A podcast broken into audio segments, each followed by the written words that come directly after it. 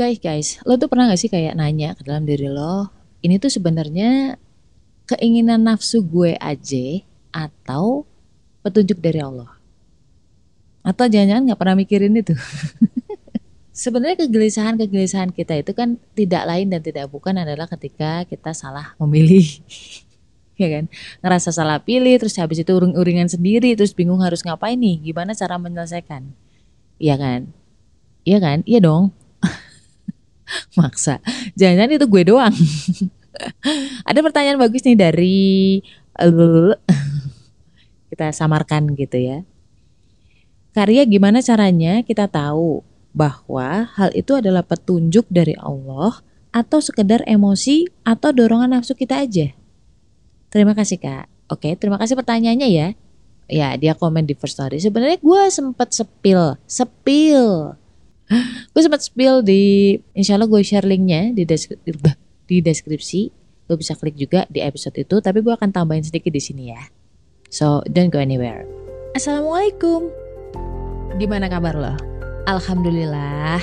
Apakah lo lagi ngerasa kesepian? Atau sendirian Kenalin, gue Ria Marliana, teman healing lo di podcast Self Healing. Di sini kita bakal ngobrol bagaimana sih belajar berdamai dengan luka, tentu aja atas izin Allah Subhanahu wa taala. Semoga Allah sembuhkan lukamu, ringankan bebanmu dan kuatkan hatimu. Yang pertama nih kita harus tahu bedanya antara nafsu dan juga kolbu. Kolbu itu petunjuk dari Allah. Kolbu itu menuntun kita ke hal-hal yang memang dikehendaki oleh Allah. Nah, sedangkan nafsu itu adalah menuntun kita ke keakuan kita, ego kita, atau kita bisa bilang apa ya? Hmm, apa yang diri ini inginkan? Biasanya nafsu ini tuh berasal dari apa? Dari yang kita lihat, dari yang kita dengar gitu. Makanya di dikir pagi dan juga dikir petang itu ada doa Allahumma afini fi badani Allahumma afini fi samai Allahumma afini fi basori la ilaha illa ant. Jadi ya Allah selamatkanlah tubuhku dari penyakit dan dari apa yang tidak aku inginkan maksudnya dari dosa dari keburukan gitu ya. Selamatkanlah pendengaranku selamatkanlah penglihatanku. Tidak ada ilah yang berhak diibadahi dengan benar selain engkau. HP kita sekarang itu HP yang bukan iPhone ya. Gue nggak bilang Android nih. Malah dicetak dicetak ke. Nah itu setiap hari nih kita dikasih iklan. Iklan iPhone, terus dikasih feed-feed selebgram iPhone, eh iPhone. Ya pokoknya yang mengiklankan iPhone, iPhone 14, iPhone begini begitu sepanjang hari setiap hari every single day. Dan yang paling parah adalah kita menontonnya sebelum tidur, bangun tidur ya kan. Dan itu adalah saat-saat paling bagus untuk memasukkan sesuatu ke alam jiwa atau alam bawah sadar kita. Tanpa lu sadari nih, seminggu biasa aja. Dua minggu kemudian mulai tertarik sebenarnya apa sih iPhone itu? Apa sih kelebihan iPhone itu? Lu mulai bertanya-tanya nih. Lu nanya.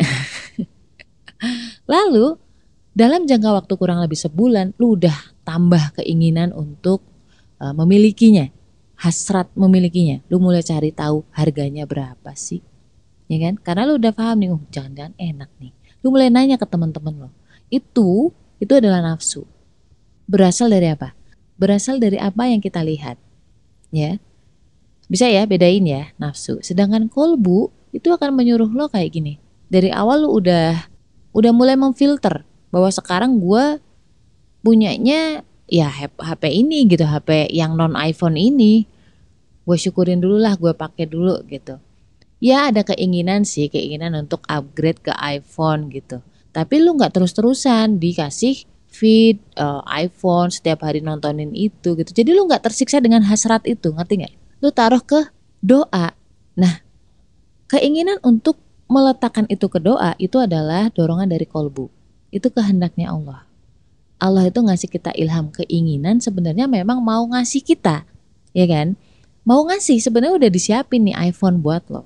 Makanya Allah kasih keinginan itu. Cuman arahnya lo bakal tarik itu ke angan-angan, angan-angan setiap hari gue pengen ini, gue pengen itu, tapi tidak diletakkan ke doa, hanya angan-angan doang gitu.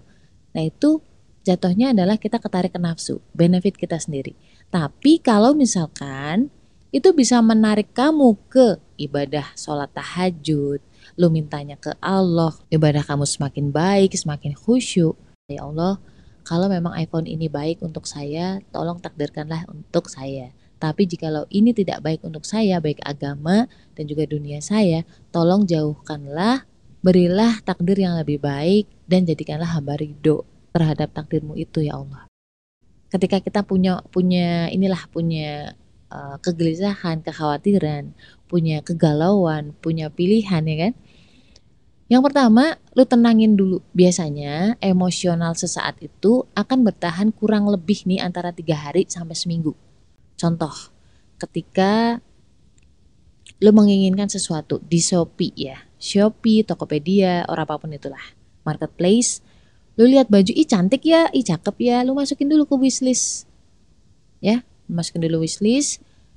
Jangan langsung beli, jangan langsung check out dulu, walaupun kamu punya duit. Karena apa? Karena kadang kita itu ketipu. Sebenarnya kita nggak butuh, tapi sok-sokan kayak butuh gitu. Ngerti gak sih? Kadang akal kita itu bias, seolah-olah butuh, padahal sebenarnya itu adalah nafsu aja. Mencarikan pembenaran seolah-olah kita butuh. Jangan diutak-atik, jangan nyari-nyari lagi, diemin, angremin dulu nih sampai ya minimal banget tuh tiga hari. Begitu tiga hari lu coba buka lagi. Biasanya kalau emosional sesaat, eh, keinginan itu tuh udah hilang yang kedua, setelah lu tenang nih ya, bawa ke tahajud dan baca doa istikharah di saat itu, di saat sepertiga malam terakhir. Itu adalah saat-saat di mana kita tuh tenang banget. Di situ akan lebih clear aja, bisa berpikir lebih jernih. Nah yang ketiga adalah um, tanya ke hati lo, karena biasanya kalau itu dorongan nafsu atau emosi, berasa pengen gitu, ngebet banget, pengen banget ke sana, tapi hati lo rasanya kayak berat, kayak aduh kok maksain banget ya? Terus pengennya buru-buru dapetin itu nggak bisa sabar. Nah itu tanda-tanda itu adalah keinginan nafsu kamu. Itu berarti bukan dari kehendak Allah. Karena apa? Karena sesuatu itu yang dari Allah atau petunjuk dari Allah kehendak Allah itu tuh jalannya tuh enak gitu jalannya mudah jalannya mudah dalam hal apa dalam hati lo ketika hati lo memilih itu itu rasanya kayak ya tenang sabar aja kalau misalkan rezeki nggak ke mana kok gitu Terus lu tuh nggak worry, nggak ada ketakutan kayak takut kehilangan, takut kehilangan momen, takut kehilangan kesempatan tuh nggak ada. Dan hati rasanya berserah gitu.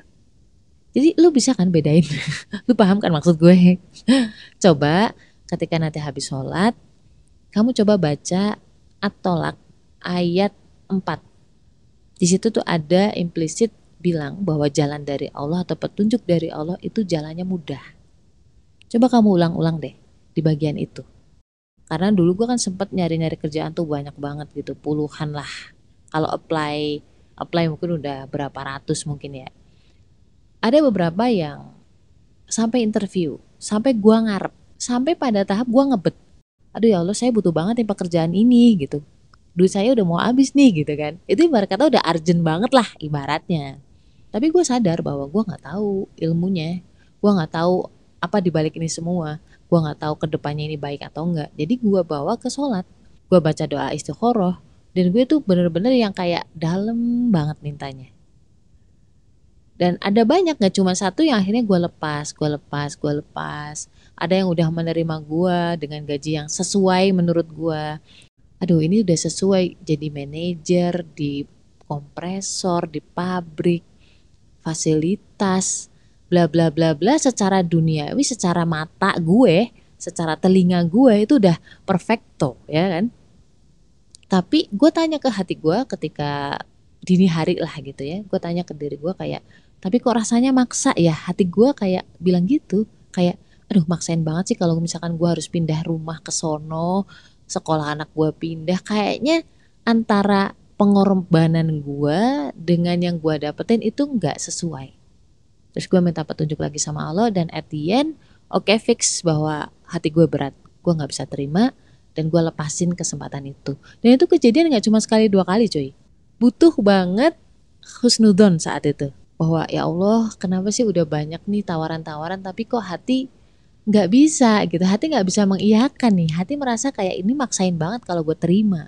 Padahal tabungan gue saat itu udah semakin menipis semakin menipis gitu dan alhamdulillah Allah nggak akan tinggal diem Allah nggak tidur ini hadiah dari Allah dan yang terbaik apa pun itu dari Allah itu pasti udah on the way dan pasti lebih baik dibanding apa yang gue lepasin kemarin dan masya Allah Allah hadirkan bukan hanya satu tapi beberapa tawaran yang mana itu bisa dikerjakan dari rumah gue setiap proses interview setiap proses dari rekrutmen itu itu rasanya kayak gue tenang aja gitu. Kayak kalau misalkan rezeki juga nggak ke mana kok. Kalau misalkan bukan rezekinya itu akan tetap aja berat di gue.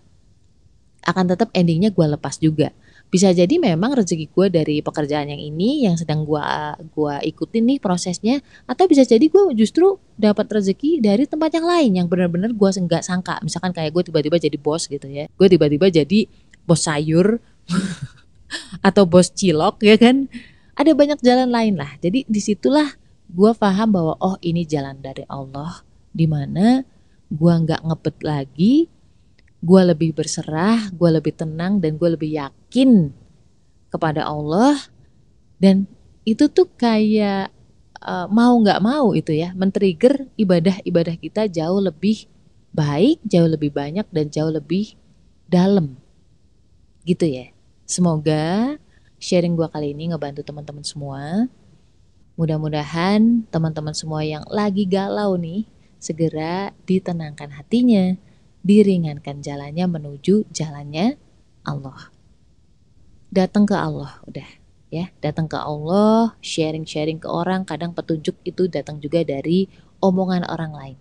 But at the end lu harus tetap diskusi sama Allah, minta petunjuk sama Allah dan dikuatkan agar kita bisa sampai ke petunjuk itu, dituntun Allah sampai ke situ gitu. So, La haula wala quwata illa billah. Stay love and assalamualaikum warahmatullahi wabarakatuh.